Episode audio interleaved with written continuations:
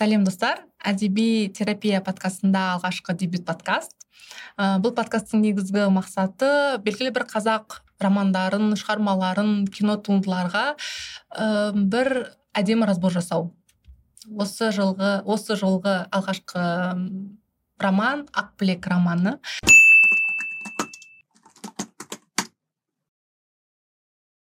Бұл романды алғашқы репрессияға ұшыраған жүсіпбек аймауытов бір мың тоғыз жүз жиырма жетінші жылы жазған. Енді ә, бұл романды бастама салдым. Біз сюжет бойынша ары қарай психологиялық талдау жасауға тырысамыз. Пейзаж болады иә алғашында. Әдемі суреттеледі таулар суреттеледі қыздар суреттеледі. Сол кездегі ауылдың әдемі көрінісі суреттеледі. Енді одан кейін қатты бір маңызды нәрсе бұл ақбілектің көзінің тартуы. Неге ол нәрсені неге ол ақбілектің көзін тартқызады былайша айтқанда автор? Қалай ойлайсыздар? ырым бар ғой. Ә, сол көзің тартылса яғни бір жаман жайсыз хабар болады деген. Ә, яғни осы ә, жаңағы ситуация арқылы автор ә, оқырманын бір жағдайға дайындайды. Иә психологиялық yeah. тұрғыда кіріспе ретінде осылай бастаған иә содай әм, автор дайындайды оқушы, оқушыларын. Сонымен ә, ол жерде әп сәтте бір өте бір үлкен бір төңкеріс болған сияқты жағдай болады. Яғни орыстар ақтар келіп ақбілекті алып кетеді. Және сол кездегі анасының жағдайы қандай болды?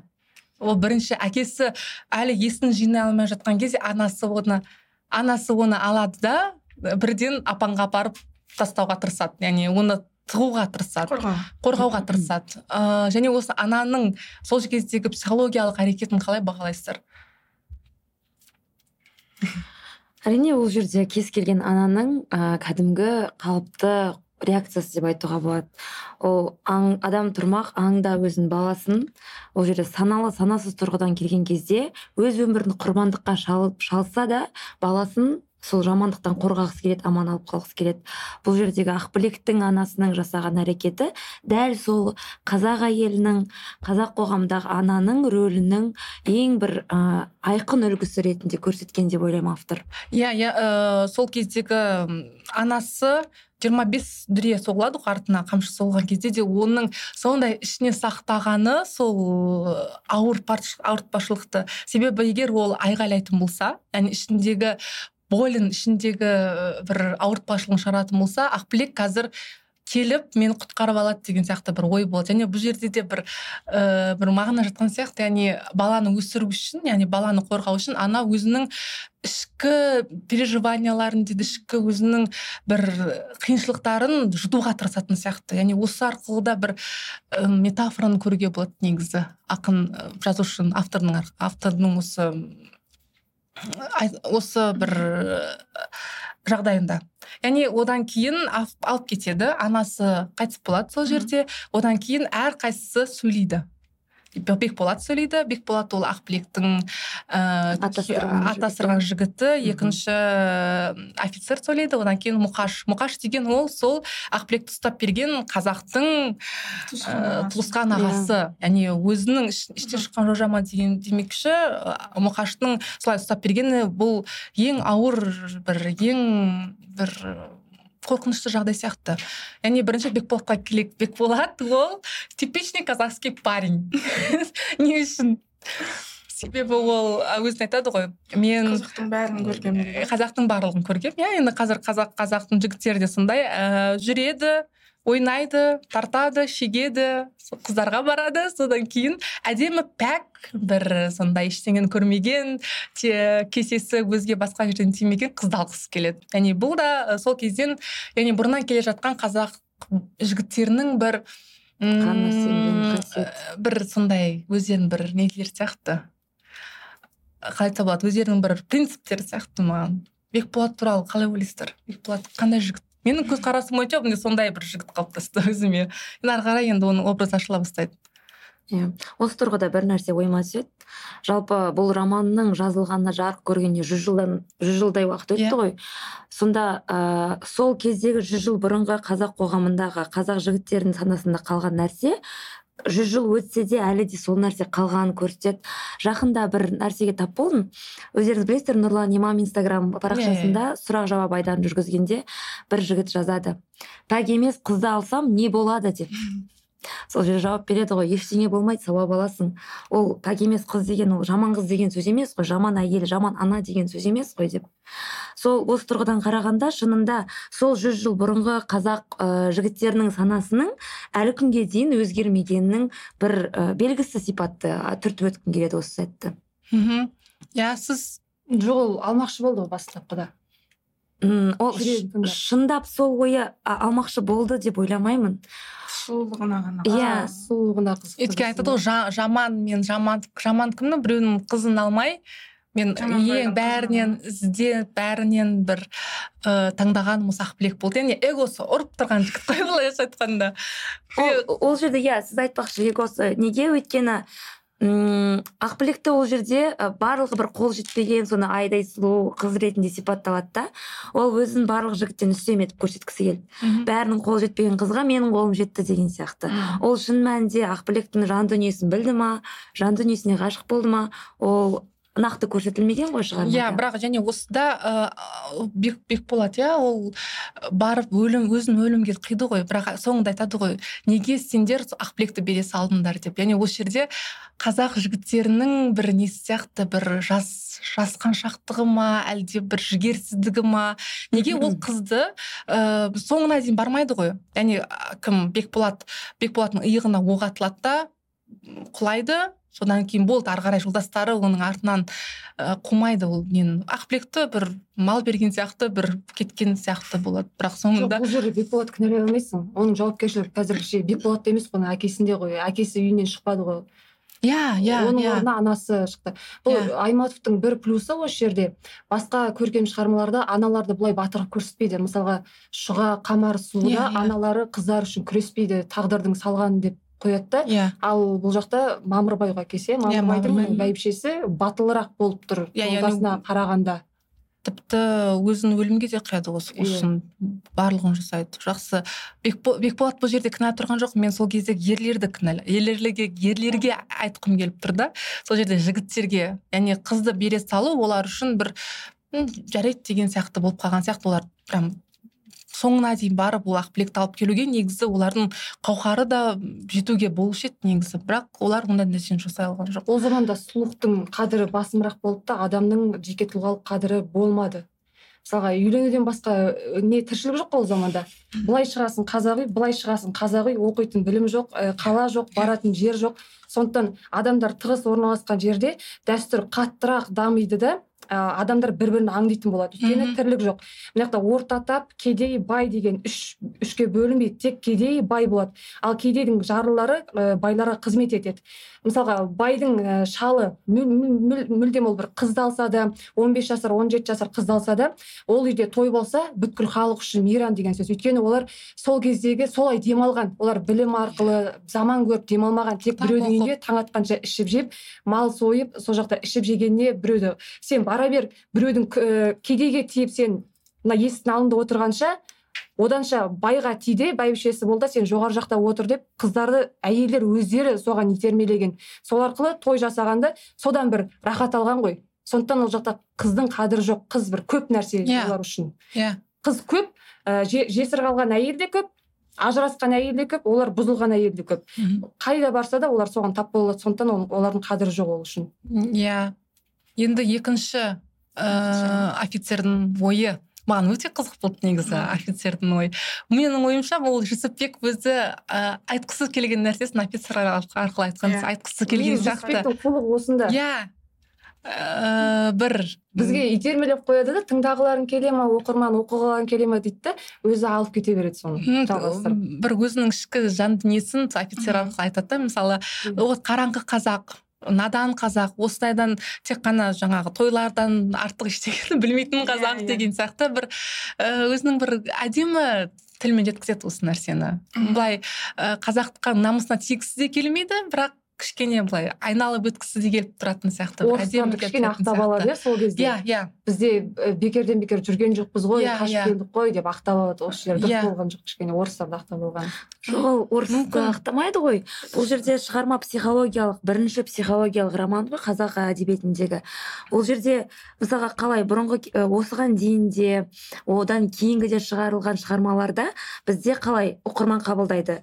Жағымды кейіпкер иә жағымсыз иә иә кейіпкер. иә. Жағымды кейіпкер тек жақсы қасиетімен танылады жағымсыз кейіпкер соңына дейін жаман қылықпен ал бұл жерде психологиялық шығарма болғандықтан жағымсыз кейіпкердің де ішінде өзін ақтап алатын бір несі болып тұрады иә жағы болып тұрады. Соны көрсеткісі келді. Оқырман тек жаманды жаман деп емес мүмкін оның артында басқа бір себеп болған шығар мүмкін оның артында соны итермелеген себеп бар шығар деп Иә. ойлануға жай түрткі болды да. Иә мысалы мұқа- ақтау деп түсінбеймін оны. Иә мысалы мұқаштың Иә. ішкі ойын алғанда да оның өйткені өзінің ішінде оның детская травмасы болды ғой. Өйткені ол өмір бойы жалшы болды ол ешқандай жақсылық көрген жоқ бұл өмірде.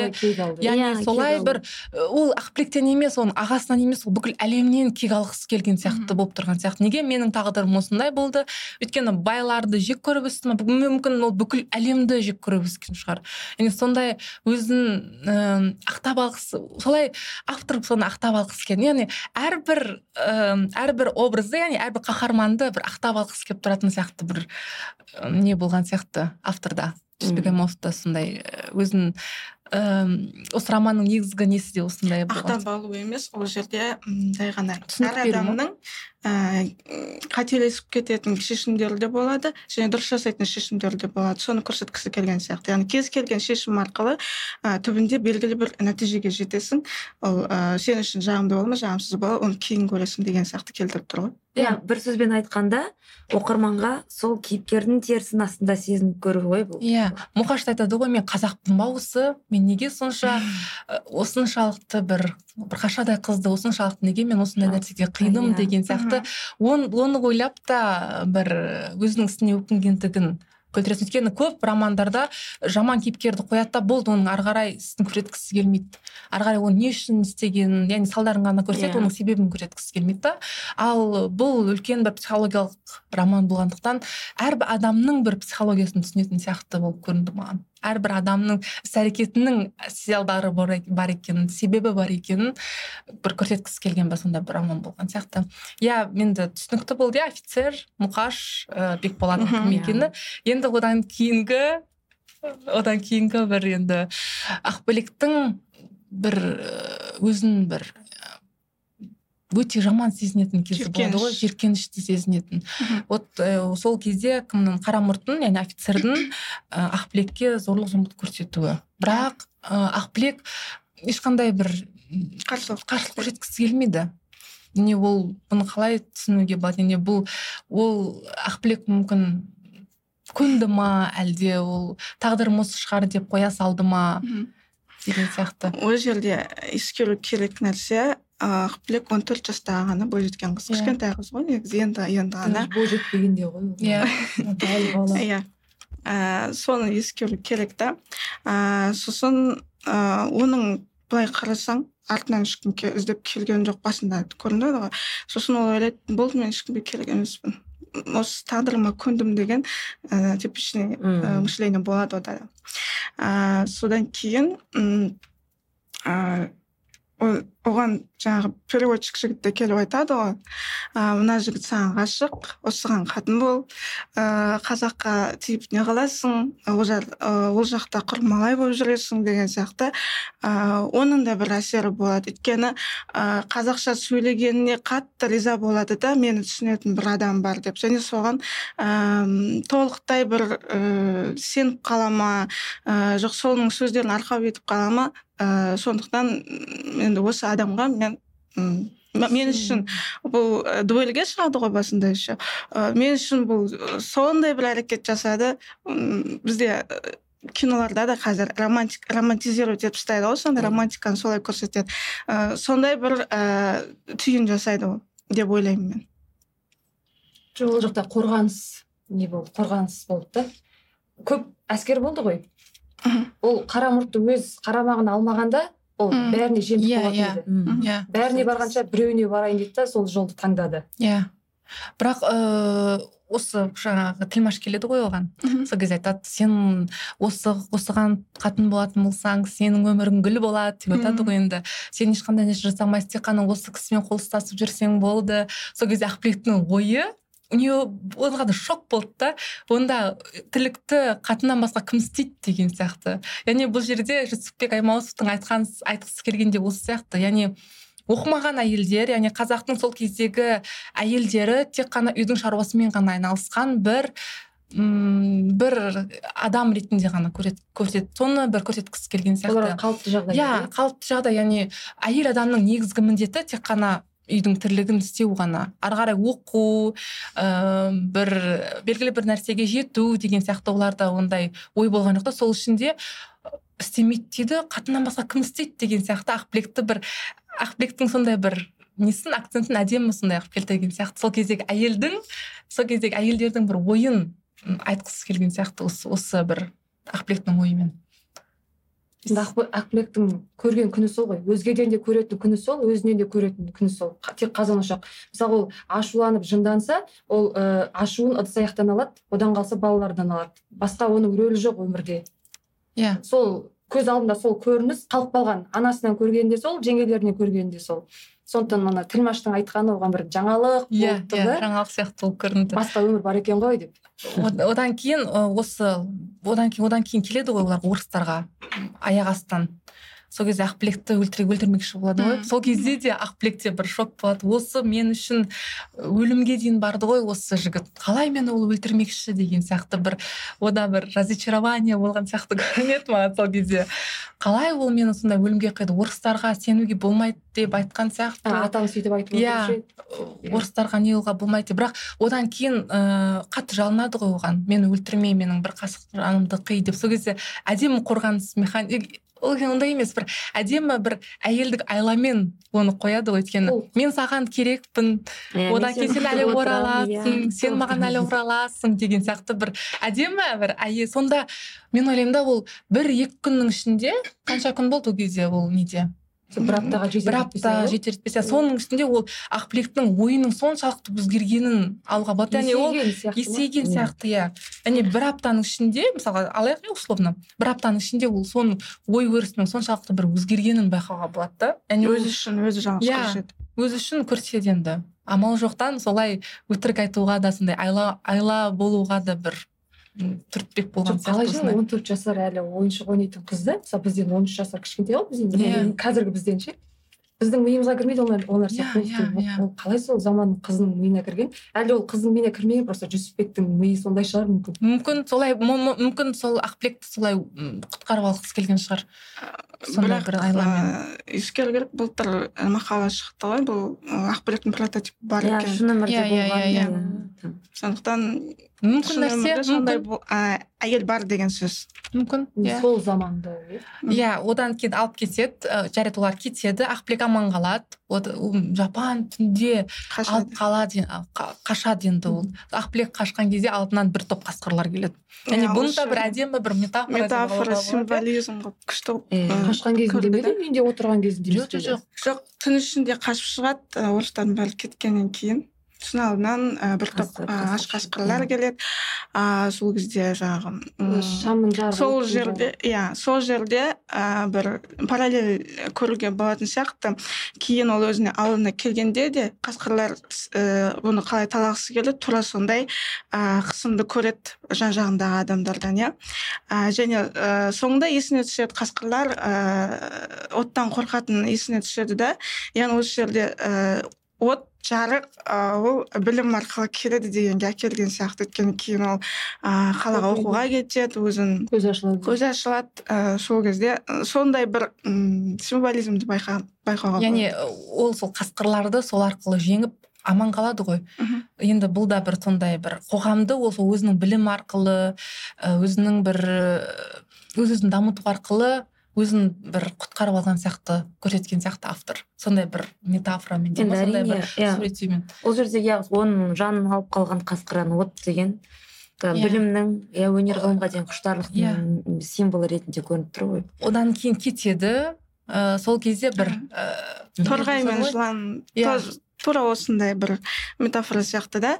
Ә, торғайдың ә, ұясына жаңағы жыланның шығып бара жыланнан құтқарып қалады да Иә. сол кезде ә, ақбілек ойлайды әттең өзінен қатты бір ә, жиіркеніп иә өзін жек көріп өмірін солай келе жатқан кезде менің де жылан жыланнан осылай құтқарып қалатын біреу болса екен дейді да Ә, дәл осы ә, сахнадан кейін м, дуана келеді. Иә. а, дуана яғни а, бақсылық қасиеті бар сондай тазалықтың символы. Яғни а, бұл жердегі м ақбілекті жыланынан құтқарған тазартқан осы бақсы ә, бақсының арқасына мінгізу арқылы солай м көрсеткісі келгендей. Өйткені дуана деген ыыы қазіргі кездегідей ыыы несі жоқ қой ол? Дуана деген ол кезде сол кезде Кез- бұрын бұрынғы кездері ол кезде бір ы бір қалай айтса болады? Бір әулие адам сияқты қабылдады ғой оны. Оны ешқандай қуған жоқ. Оған бір ерекше сый құрмет көрсететін бір әулие адам ретінде қабылдағаннан кейін жүсіпбек аймауов та осы ақбілекті тазарту мақсатында ыыы дуананы жіберген сияқты. Яғни дуана келіп үйіне алып келеді ғой. Сол сондай бір ыыы, не сияқты көрінді маған. Дуана арқылы ақбілекті бір сондай бір өзінің сол кездегі бір жаман эмоцияларынан жаман бір негативный бір өмірінен солай кішкене тазартып алған сияқты көрінді. Яғни одан кейін алып кетеді. Енді сол кезде ақбілекке шынымен victim blaming болады. Мгм. victim blaming деген ол жәбірленушінің өзін халық кінәлайды. Өте өте бір абсурдты дүние ғой мысалға. Ол қыз бала өзінің еркінен тыс зорланып келеді. Және ол қоғам оны қорғай алмайды бірақ сонда да сол жә, э, жәбірленген қызды қаршадай қызды барлығы ым, оны бір бас Одан тастағысы бетер, келеді иә. ол оған бетіне айтпаса да оған бір ыыы скрытый бір эмоциямен иә ғой. бір скрытый эмоциямен дейді ғой бір скрытый агрессия жасайтын сияқты ол көрінеді оған. агрессия. пассивная агрессия. Пассивная агрессия жасаған сияқты көрінеді. Бірінші ол мұсабайттікіне бармайды және бір қарапайым бір адамның үйіне барады ғой. Сол кезде барлық қызға бастайды ақбілек келді. Сол көрген кезде Сыйлау әр адамның ойында қандай ой болды сол кезде? Ақбілек э, осыдан кейін қалай өзгерді екен? Арада бір ақ апта өтті ғой мысалы. Ақбілек осы орыстардан кейін қалай өзгерді екен деген сияқты бір арам ой тұратын сияқты. Осыдан бір байқайтынымыз бір әйел біздің қазақ қоғамы әйел адамды бір жаншып тастауға оны бір басып тастауға оның бір жаман әрекетін немесе бір құласа сүрінсе бір соны бір кінәлауға тырысатын сияқты көрінеді маған. Тек қана ақбілекті ғана емес жалпы қазақ қыздарын да қазір алып қарайтын болсақ ажырасқан әйелдер немесе отбасы қалған әйелдер қыздар жүз жылдан кейін де қоғам өзгерген. Иә өзгерген жоқ. Э, әйелдер неге оның зорлаған адамды немесе ол бала жасаған адамды емес неге әйелдерді мысалға кінәлауға біз тырыс соны кінәлауға бір әуес болып тұрамыз сондай бір жанымыз кіріп тұрады сол нәрсеге. Және тағы да бір осы жақында болды ғой прецедент ыыы дүкенге кіріп жатқан кезде ә, дүкенге кіріп бара жатқан қызды бір ер адам көкірегінен ұстап кетеді. Көкірегін жауып жүр деген сияқты. Ер адам ешқандай қандай ер адам болсын да ә, ол әйел купальникпен жүрсе де ешкім е, ешкім біреудің денесіне рұқсатсыз Қол қол тигізу, қол тигізуге болмайды. және бірақ сонда да комментарийларды оқып қарасаңыздар ішінде әйелді жамандағандар біраз болды. Көкірегін жауып жүрмейсің ба? Ыыы Өзіңнен бар бар деген сияқты. Демек қазақ қоғамы осындай нәрседен де бір жиырма бірінші ғасыр деп айтамыз. Білім инновацияның ғасыры деп айтамыз бірақ сонда да қазақ қоғамы әлі де болса қыз балаларды бір жаншып тастауға бір тырысып тұратын сияқты. Қорғауға тырыспайды оны. М, керісінше құлаған адамға одан да үстінен таптап кетуге жұдырық болуға, иә иә. яғни ақбілектің бұл кездегі ыыы ішкі күйі де сондай болды ғой. Яғни оның кінәсі жоқ. Ыыы қоғамның алдында ешқандай оның күнәсі де жоқ. Бірақ ол өзін сондай кінәлі санайды. Әкесінің алдында да өзін кінәлі санайды. Иә қарауға беті иә ә, тіпті. кейінгі кезде мен неге өліп қалмадым деген сияқты да сондай бір өте бір шым шытырық оқиға шым шытырық бір ойлар өте көп көп болады. Яғни бұл да бір қазақтың сақтап қойған яғни әр адамның ойына сақтап қойған бір ә, стереотип сияқты. Яғни қыз бала ешқандай шалыс баспау керек қыз баланы ешкім түртпеу керек деген сияқты бір белгілі бір рамкаға. Тіпті ол қыз баланың ыыы еркінен тыс жағдай болған бол- болған болса да. Иә. Енді үйіне келеді. Жақсы барлығы болады. Эмоциямен әкесі оны жақсы қарсы алады. Ә, оны құшақтағандай болады. Анасын жоқтайды. Оның барлығы өтеді. Одан кейін әке одан кейінгі әкесінің әрекеті сіздерді қалай ойландырды? Анасы мысалы анасы ақбілек үшін жанын берді иә? Ақбілек ә, ақбілек үшін қызы үшін баласы үшін бәрін жасады. Бірақ әке одан бас тартты ғой. Яғни сол сөздер үшін яғни ы, қоғамдағы сөздер үшін қоғамның бір талап кеткендері үшін. Яғни ол кезде тіпті ә, мамырбайдың өзі қызды қорғауға шыққан жоқ. Ол типа сасып қалды да болды ештеңе істей алған жоқ мысалы. Ол кезде сондай бір қызық бір момент болған сияқты. Яғни әкенің ананы көрсе көтергісі келіп әкесін түсіргісі келді ма әлде? Шынымен қазақ қоғамындағы әкелер сондай ма? Жоқ ол қызын қорғайтын кезде шал қария болды да шамасы жетпейтін Иә, қауқар иә. келмейтін. Ал тоқал алатын кезде ол елу жастан жаңа асқан қауқары бар адам болды. Иә өз өзін ақтап алады. Бұларда мынандай ғой өзінің ойын біреу арқылы қоғамға ортаға жеткізеді. Өйткені ол жақта ер адамдарды топ адамдар қорғайтын. Қолдау білдіретін. Иә сенікі дұрыс не болды? Алсаң ала сал сенікі осындай ғой деп бір бірін ақтап алатын. Ал әйелді ешкім ақтамайды әсіресе қыздарды. Иә мысалға ә, қазіргі кезде де сондай ғой мысалға ер адамда ер адамды міндетті түрде ақтап алады. Мысалы ә, кез келген жағдай болса мысалы әйел адам м, ажырасып кететін болса әйел мен еркек ер адамның айтатын сөзі өзі сол қатын болған жоқ қой ол сондай сияқты бір ер адаммен солидарность күшті да. Ал әйел адам мен аға- ә, әйел адам мен әйел адамда бір бірінде ондай нәрсе байқалмайды негізі. Көре алмаушылық болуы мүмкін. Әйелдің жауы әйел деген осыдан да шығатын сияқты. Яғни әйелдер бір бірін қайта керісінше бір бірінің бір үні болу керек қой. Яғни әйел адам бір жапа шегіліп жатса оны керісінше көтерудің орнына бізде керісінше әйел адамдардың өздері түсіріп жатады да. Ал ер адамдар жоқ ол, ол шығарманың өзінде де олай көрсетпейді ғой. Әрине енді өгей анасы болғаннан кейін өгей анасы оны қайтаға көрс иә не көрсет көрсеткісі келді бірақ ол жанашыр болғанда әйел болды. Ұрқия иә ұрқия неге ұрқияны жіберді деп ойлайсыздар? Ақбілек өліп қалмау үшін жіберген сияқты. Үш құсадан сондай бір ыыы сол қоғамның ы, қатты бір мхм. жұдырығынан өліп қалмау үшін сол ұрқияны жіберген сияқты анасының рөлінде. Яғни бірақ ы, анасы егер тірі болғанда қалай болар еді? Егер анасын автор тірі қалдырғанда? Қалай ойлайсыздар? Ештеңе өзгермейтін еді. Ештеңе өзгермейтін еді иә? Бірақ бірақ кішкене болса да ақбілекке мүмкін. Ақбілектен құтылуға асығатын еді әкесі. Иә. Ол жақта ол заманда әйелдің сөзі сөз емес қой бәрібір. Анасы тірі болып бүйтіп айтып жылап сықтап дай балам салса да ол әке ер адамдар ер адамды істейді. Ол үйіне шалдар келеді ауыл ақсақалдар келеді қария би басылар келеді түртпектей береді түртпектей береді қызың мындай қызың мындай деп. Сондықтан көнеді. Иә. Өзгермейтін сол тұрғыда да иә ақбілектің әкесі мен ақбілектің арасындағы қарым қатынас арқылы ә, жалпы жүсіпбек аймауытов қазақ қоғамындағы әке мен қыз арасындағы қарым қатынасты да көрсетті. Қазіргі кезде енді айта алмаймын топырақ ә, көпке топырақ шашып барлығында осындай қазір өзгерді негізінде. Бірақ сол заманда қыздың әкесіне жақын болуы әкенің қыз баланың тәрбиесіне араласуы жоқтың қасы мүлдем болған жоқ деп айтса болады иә? Көп шығармаларда көреміз ғой сол замандағы жаңағы шешесі арқылы жеткізеді қызына. Қызына жақындап қызым сен бір тәрбиесіне тағдырына алаңдаушылық болған жоқ та? Кішкентай кезінен атастырды ма? Ыыы сол біздің қызымыз емес өзінің жат жұрттық кетсе болды менің аманатын жеткізім бердім деген. Иә. Сол жерде де осылай көрініс табады. Әкесі оның бір жан дүниесін түсінгісі келіп қасына келіп сұрап сұраған жоқ қой дұрыс па? Иә. Мүлдем ондай болған жоқ. Қайта бір өзінен бір бір күнәні бір қара күйе сияқты қарады да ақбілекке шынында. Сіз айтпақшы одан құтылуға тырысты. Иә. Э, тек өзіне жаңағы бір күйе жағылмаса осындай жаман нәрсе болмаса деген сияқты.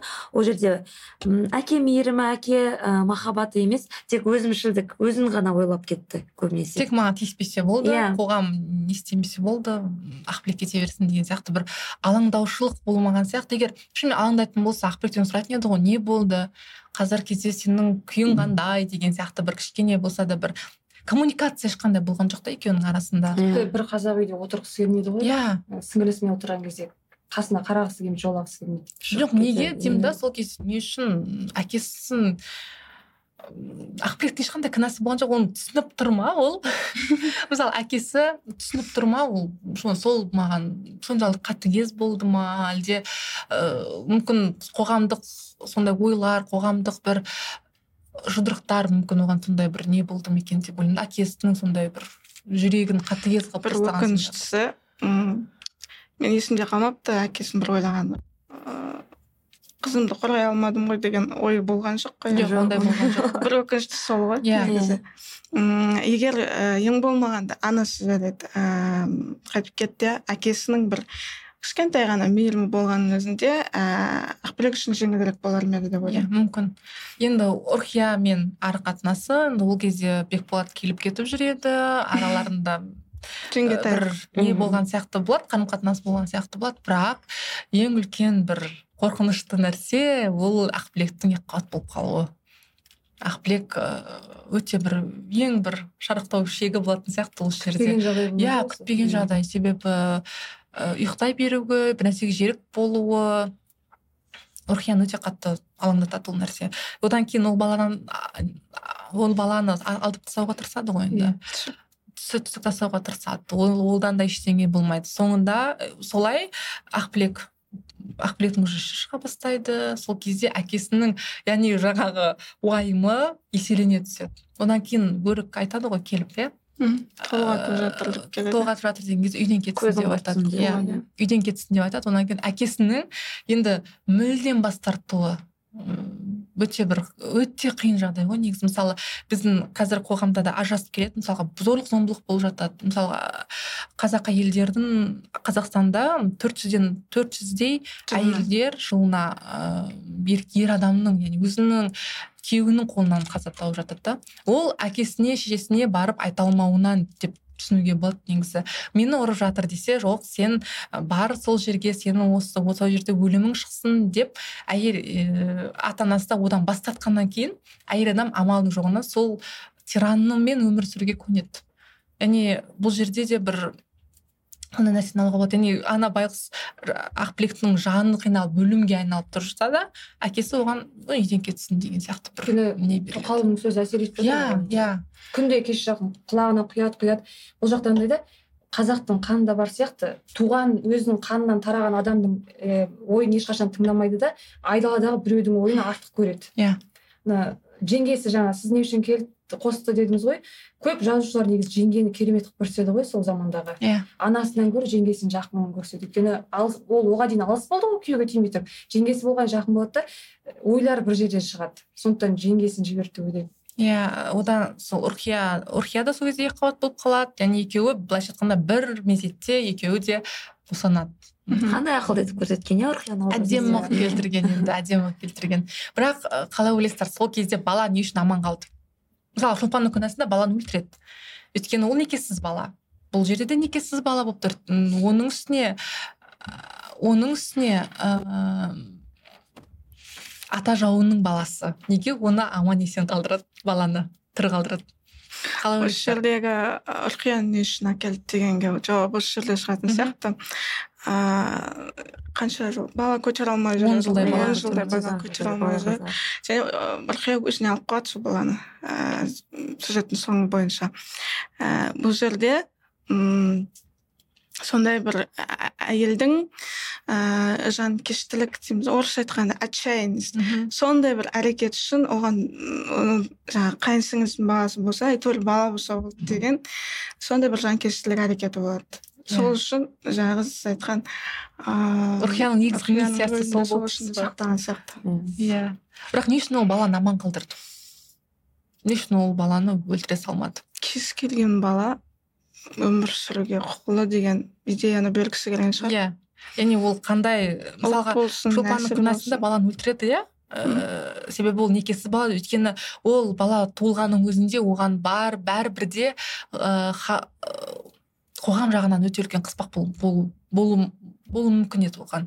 Сол үшін де автор оны бір өлтіре салуға әрекет жасаған сияқты. Ал енді мына жерде рысбек аймауытов оны тірі қалдырғанында бір үлкен бір философия бала өз философиясы бар таңдаған жоқ сияқты. өмірге келемін деп иә. Ә, екі жақ таңдады ғой. Сондықтан сол арқылы да бір баланы некесіз туылған баланы олай бейжай қа- қарамаңдар деп аман алып қойған сияқты. Автордың психологиялық иә тағы да бір айта кететін еді осы осы тұрғыда иә. Жалпы босанғаннан кейін ақбілекке жаңағы кемпір бар ғой көмектескен босандыруға. Алып келген кезде көзің құрт деп айтады ғой яғни баладан толықтай ба- бас кешеді. А, тіпті бетіне жүзіне де қарауға ода ешқандай. Ол не үшін? Не үшін солай жасады?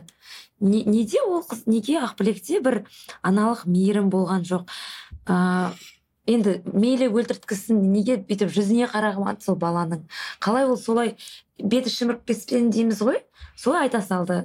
Керек емес жоғалт көзін деп. Енді айттық қой ол он төрт жастағы кішкентай бала өзі. Ол аналық сезімі бірден оянуы мүмкін жоқ мүмкін оған осыған дейінгі болған стресстер осы уақытқа дейін болған бір не қоғамның пікірі де әсер етті ғой оған. Иә меніңше бұл жерде де жаңа өзінің инстинктінен гөрі аналық өзінің өзінің і, түйсігін өзінің ә, ойын естуден бұрын оған сол уақытқа дейін қалыптасқан ұлттық психологизм анағұрлым басым болды да иә яғни оң босағада отырып табылған бала ол ешқашан жаңағы адам болмайды Иә, немесе иә. оған абырой әкелмейді ол деген сияқты. өткен өмірінің қасіретін сол баласына қарағанда біле, көретінін білді ғой Иә. ол картина ғой сондай бала ше енді қасында баласының қасында бір алты ай болса мүмкін материнский аналық Сезім иә. оянып кетуі мүмкін еді.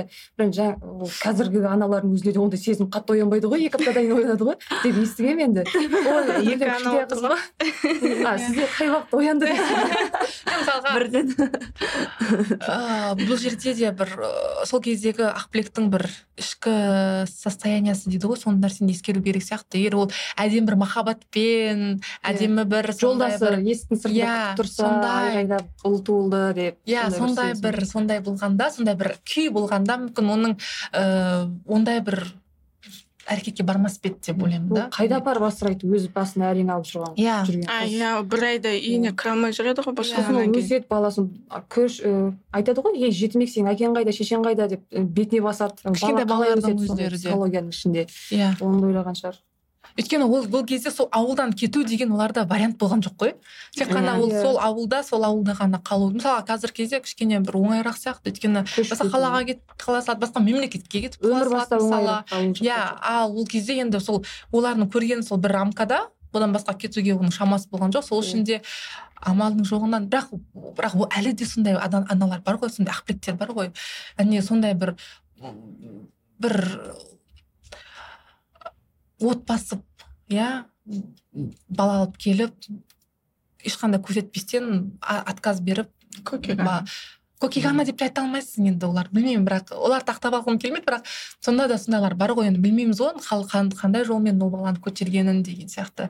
Әлі де сондай актуальный бір мәселелер бар сияқты иә. тақырыптар бар сияқты Э, одан ол босанды. Одан кейін ақбілек қалаға қалаға кетеді. Сол кезде оның тағы да бір екінші бір өмірі басталған сияқты болады. Үлкен трансформация. Үлкен трансформация яғни ақбілектің ең үлкен трансформация сол жерде болатын сияқты. Себебі ол сол ауылдан кетті және ол басқа бір өмірге келгеннен кейін оның көзқарасы да өзгерген сияқты оның әңгімесі де өзгерген сияқты. Себебі ол қанша адамдарды көрді ғой оқуды көрді білімді көрді. Сол кезде оның араласқан ортасы да басқаша болды ғой. Мысалы бекболатпен жаңағы ақбала иә ақбала мен балташ. Э, балташтың айырмашылығы да бар ғой негізі үлкен. Ақбала мен балташтың әсіресе екеуінің қарым қатынасы өйткені ақбала ол өзі сондай бір өзін оқыған азамат сияқты сондай керемет етіп иә. сипатталған иә? Иә сондай бір э, интеллигент сияқты Иә. саналған. Ал балташ бір кішкене момын бірақ ол да өзінше бір оқыған ол да бір өзінше бір интеллигент адам саналады ғой. Бірақ неге ақбаладан ақбаланы таңдайды Ақ- ақбілек неге ақбаланы ақбаланы ұнатып қалады? Неге балташты емес иә екеуі ақбаламен ә, сөйлесіп көрмей тұрып балташ жағы ә, қанша рет жаңа ақбаланы жаман жағынан көрсетуге тырысады ғой. М, бірақ оны таңдаған себебі де ол жерде енді ә, жалпы жеке пікір ретінде айтатын болсақ романды оқып отырған кезде балташ пен ақбаланы рысбек аймауытов қалай берді. Егер кез келген қазақ қызынан оқытса бәрібір ақбаланы таңдаушы еді менің ойымша. Иә оның о- оқиға соңында жасайтын іс әрекетін білмейді ғой. Білмей тұрып кез келген оқырман қыз ақбалаға ғашық болушы еді деп Иә, айтады иә, Өйт- иә. өйткені жүсіпбек аймауытов оны сондай керемет етіп сипаттайды. Нағыз бір м, интеллигент джентльмен ретінде. Бірақ әрине оның сыртқы бір көзге ә, сыртқы бір айтады ғой қалай впечатление первое впечатление мен оның ішкі жан дүниесі кейінгі іс әрекеті мүлдем сәйкес келмейтін осы жерде көрінеді. Мхм жаңа сыртына қарап тон пішпе деп айт- айтқандай. Э, балташтың э, несі образ қандай? Балташ ым, ақбалаға қарағанда анағұрлым ә, Момындау, иә. момындау қарапайымдау. Бірақ оның жан дүниесі ақбаладың анағұрлым таза екен осы жерде Иә, қазақтың қыздарында алсақ сондай ғой мысалы Иә. ә, тұрақты жұмысы бар сондай бір ә, үнемі қашан келейін қашан барайын деп сұрақ қоятын жігіттерге қарағысы келмейді да. е шығып тұр келіп тұрмын мен есікті алдында тұрып тақылдатып тұратын сондай жігіттерді негізі қыз балалар таңдайды. Не үшін? Өйткені ә, қыз балаларға эмоциональный качеля беріп тұратын сондай бір ә, отношение жақсы көреді да олар. Яғни киноларда көріп алған ғой ана три метра над неба деген сияқты. Сондай нәрсе. И олардың ә, ойынша солай түк- жерге түкіріп қойып ей қатын! деп тұрып сұратын сөйлейтін қыз сондай сөйлейтін жігіттер көп қыздарға негізі ұнайды. Иә. Ол да сол бір киноның әсері болуы мүмкін ол бір ыыы үйден көрген болуы үйден мүмкін. көрген болуы мүмкін немесе көшедегі бір романтика болуы мүмкін деген сияқты. Енді осы жерден де негізі байқауға болады. Неге ол балташ тыңдамайды екен? Балташ оның бар болмысымен оны қабылдаймын деп тұрды Иә. ғой негізі ақбілекті. Бірақ ол бәрібір ақбалаға кішкене оның ойы кетеді бірақ ақбалаға айт кім айтады ғой біреуіне. Мен осындай осындай деп бүкіл өмірін айтып береді ғой. Балташқа айтады Иә. балташ барып не үшін айтады ол? Сенге не қол жеткізу үшін сондай айла айла. арқылы ма? Керісінше балташтың әрекеті дұрыс сияқты. Ә, ерте ме кеш пе ақбала білуші еді ғой дұрыс па? Оның қыз емес екенін білген хат жазып жібереді ғой. Кешіріңіз мен сіздің қыз емес екеніңізді білген жоқпын деп. Мысалға иә яғни бұл да бір типичный казахский парень да? Кімде ақбала да иә мысалы қызды жақсы көреді иә жақсы. Бірақ соңында оның артында бір күнәлі нәрсе болғанын білгеннен кейін одан жай ғана бас тарта салады қазір де шығып жатыр ғой ер кім? Еркебұлан тоқтар мысалы кім? Қуат хамитов мысалы да. Маған сондай пәк қыз керек деген сияқты. Енді қазақтың бал қазақтың сексен пайызында бар стереотип бай бар бір стереотип емес бір қағида бір принцип бар сияқты сондай сондай бір қызды аламын деген сияқты. Соны бір ыыы жүсіпбек аймауытов та әдемі келтірген негізі. Бірақ соңында ыыы балташмен ол қосылады. Ә, сондай қанша жыл тұрады сол жерде? Одан кейін бір ә, бес жылдан кейін бұл ауылына баруға иә. тырысады оған дейін де бірақ не болады ғой? Бір кіммен кездеседі ғой. болады иә. Иә. Қалада оқып жүрген кезінде енді ол түсін- түсіндік иә. Ақбілек қандай сұлу екенін Ііі басқа жігіттер сөз салып көңіл білдірген кезде қарамаған үшін де ыыы, оған м, қыспаққа салады. Бір нәрсесін ұрлап алып кетеді аяғынан шалып құлатады. Бір күні тіпті соғып та кеткені болды деп ыыы камилаға айтып отырады ғой өзінің туысқан нағашысына ыыы яғни иә десең де жоқ десең де бір сондай буллингке ұшырайсың деген ғой. Иә өйткені ер адамның эгосы өте қатты жоғары ғой негізі.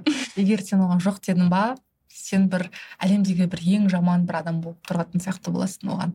Яғни көп қазір байқаймыз ғой қазір өте көп сондай жағдайлар болып жатыр ғой. Жоқ деп айтқан үшін қызды соғып кетіп жатыр жоқ деп айтқан үшін қызды зорлап та кетіп жатыр деген сияқты. Яғни бұл жерде ер бір қалай айтса болады жоқ деген сөзге яғни қарамағанды қабылдай алмау.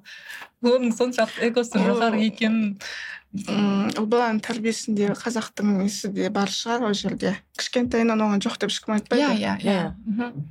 иә. Ұл ғой. Бола береді оған иә. Үйрен өседі всегда. Мысалға қыз бен бала қыз бен ұл тұратын болса и не қыласың сен қыз басымен осымен ойнап бер ана ұлға деген сияқты бір.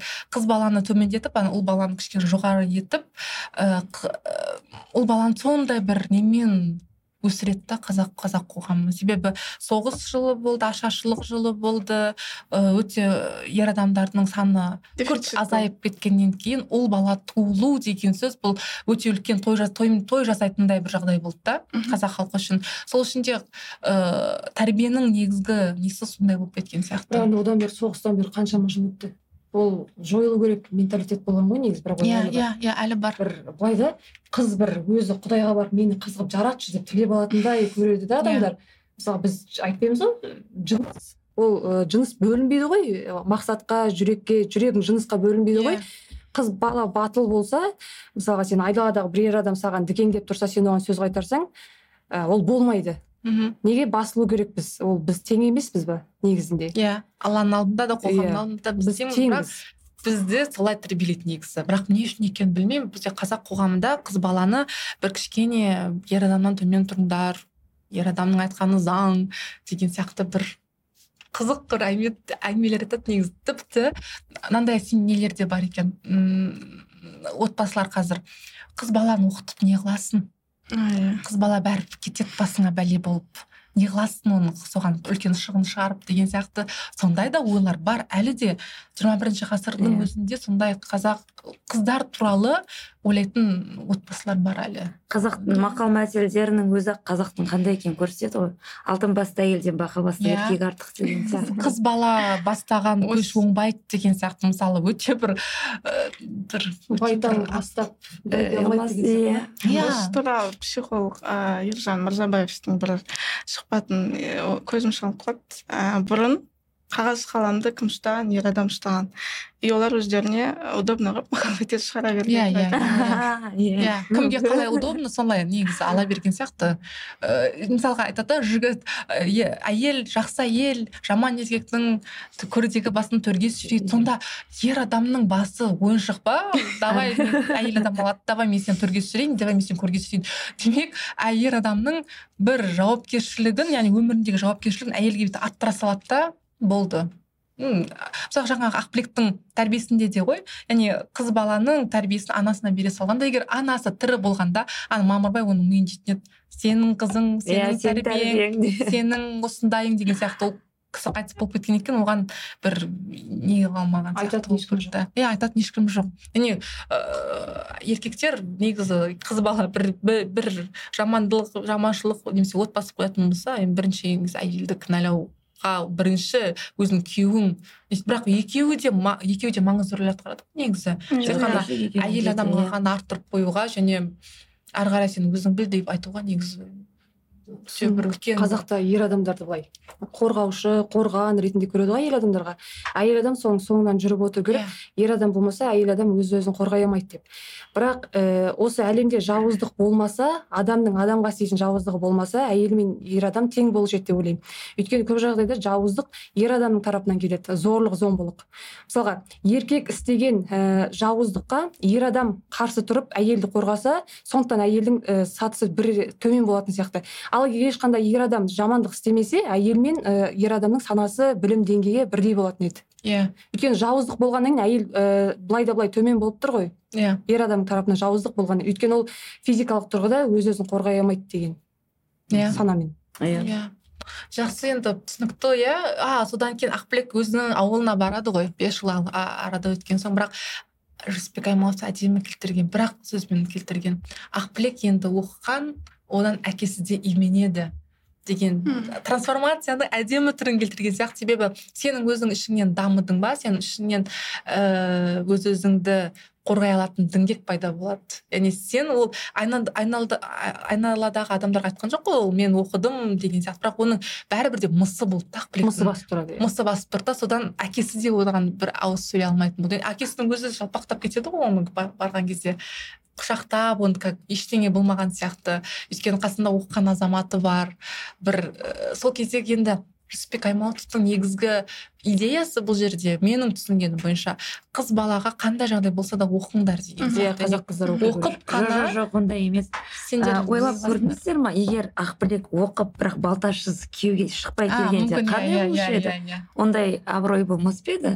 Ол оқыған үшін емес ол жерде. Әрине бірінші оқып қалада көзі ашық көкірегі ояу әйел азамат ретінде. Плюс қасында сондай ер азамат иә. тұрмысқа шыққан уже келіншек ретінде келіп тұр. Бірақ егер ол әйел әйел адам егер оқып білім алып өзін дамытпағанда мүмкін болтар сияқты жігіт кездестірмес пе еді деген сияқты. екеуі иә. екеуі де бір бірімен бір бірақ сонда да әйел адамның абыройы қазақ қоғамында қазір де сол кезде де оқығандығы үшін емес теңін тапқандығы үшін жанында ер азаматы бар. Плюс оқығандығы үшін. Иә. Негізі ең үлкен ә, а содан кейін екінші жағдай ә, жүсіпбек аймановтың маған өте қатты ұнағаны бұл жерде әрбір қаһарманын иә бұл жерде қаһарман көп қой қаһарманын қалдырмайды. Бекболатпен не болғанын жазады. Иә, жаңағы кімнің Офицер. офицердің мұқашпен мысалға болған жағдайдың барлығын сипаттап яғни ешқайсысын былай қалдырған жоқ қалдырған иә. жоқ иә.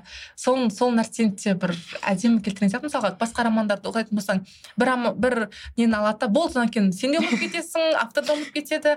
Ал ыыы, жүсіпбек аймауытов енді әдемі келтірген бұл жерде сосын жаңағы психолог ретінде де өзінің ә, несін м, шеберлігін көрсете алғанда жаңағы камиламен әңгімесінде ә, қыздар қалай өсек айтады. Иә, иә. Дұрыс әдемі келтірген сол нәрсені иә. жоқ оны қойшы ол өсек былай тұрсын. кімнің тұлға ұқсайды ғой. сол кезде жүсіпбек бір өзі әйел болып көргендей жеткізген ғой. тамырының қалай сүйегінің қалай шашырайтынын қалай он екі дене он екі мүшесінің қалай күйге түсетінін таңқалдым сол кезде ше. Иә қалай ол ер адам солай ол- жеткізуі мүмкін ол кезде олар барлығын оқыған ғой негізі. мысалға әдебиетшілер тек қана әдебиет қана оқып қойған, қойған жоқ қой. Ол кезде олардың негізгі мақсаты бүкіл нені қамту болды ғой. Сол үшін де олар әрбір нені қамтыған сияқты не халыққа түсінікті болу үшін. Халықты бір сондай бір қыз бала оқыса да ұл бала оқыса да жас кен жас жас бір жастар оқыса да бір түсінікті яғни бір жан жақты білім беруге тырысқан сияқты негізі қандай мұқаштың да әйелін күшті суреттеген Иә, алтынайды иә, иә. қандай пысық. Армандап көргің келіп кетеді ғой. Иә. жанын беріп тұрады ғой ана ойлаймын да, мұқашқа сондай әйелді қалай берді бұл жерде сол ой ғой еркекті сүйрейтін жақсы әйел дегенге ғой сондай яғни ол сондай еркекке алтынайды қосып яғни мұқаш бір жақсы бір көтерілген сияқты бір сондай идея идея болған сияқты. Иә. Сонымен осымен біткен сияқты иә? Біздің тал біздің талдау. сюжет осымен Иә, тағы бір нәрсе қосып кетпеген осы жақында ғана мақала тұрғысынан келгенде.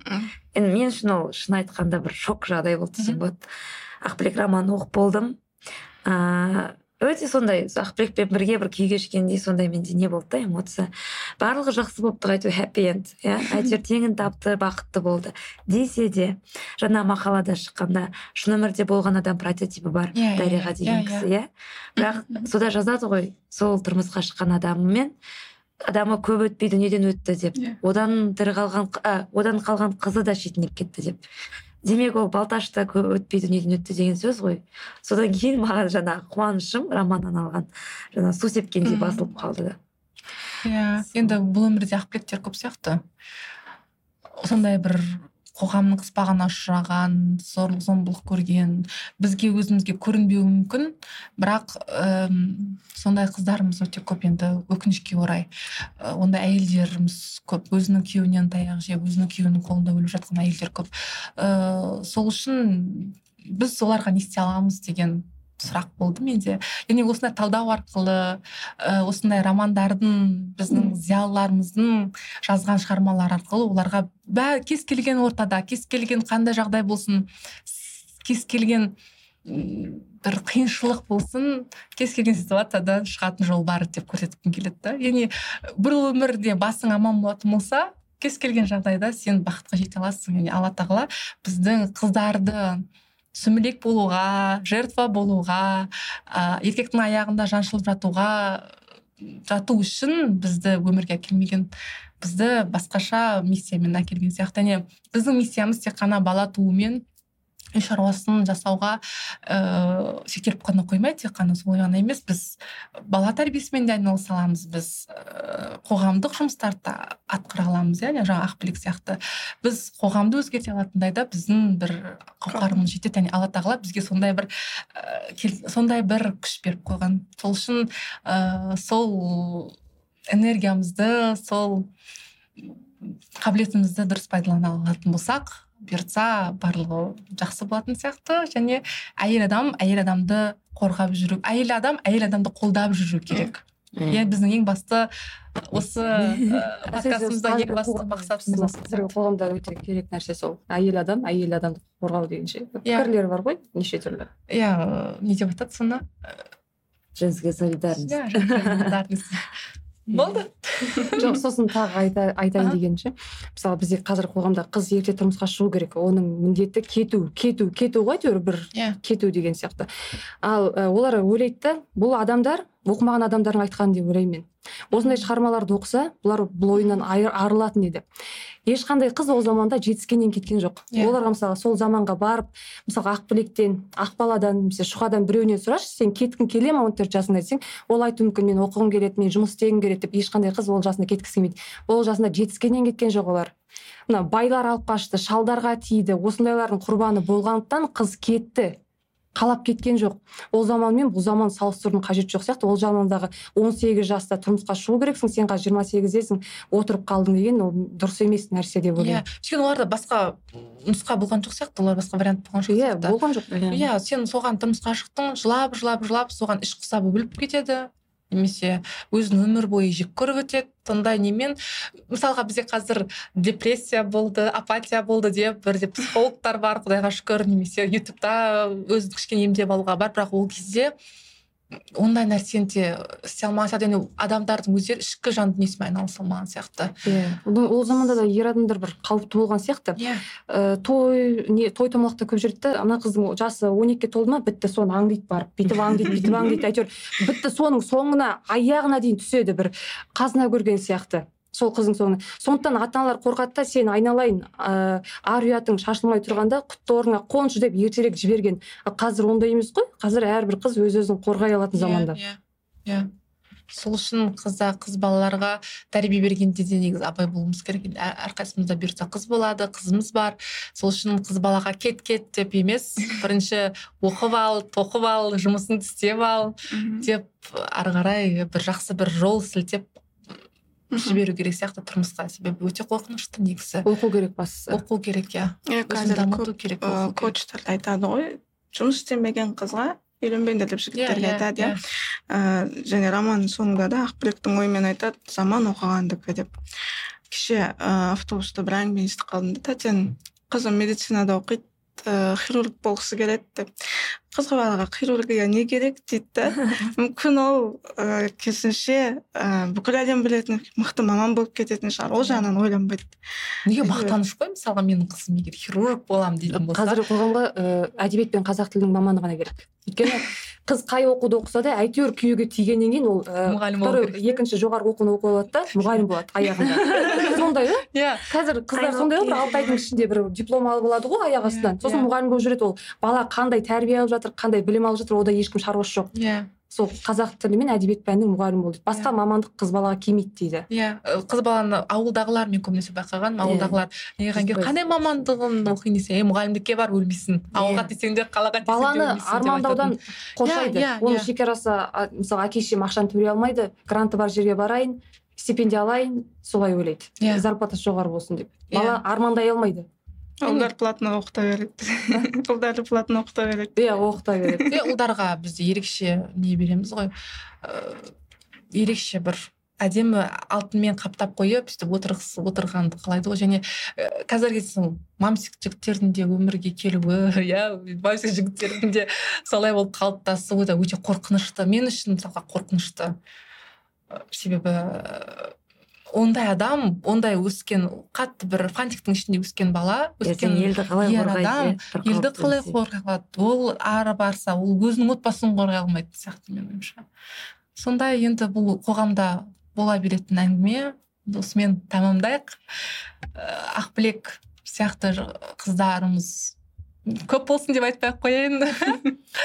Қалай не сақлады болмасын иә. Ақбілектің тағдыры ақбілектің соңғы хаппи энді бұйырсын да оған дейінгі кешкен жағдайы енді өте қиын. Сол үшін де қыз балаларды аман есен дүниеге алып келгеннен кейін аман есен өзінің құтты орнына дұрыстап дұрыс бағыт беріп Дайындап. дайындап жіберу керек сияқты дайындап дегенде ол үй шаруашылығында емес құдайға Иә. шүкір ютуб бар басқа бар оның психологиялық жағдайын ескере отырып тұрмысқа беру керек Иә.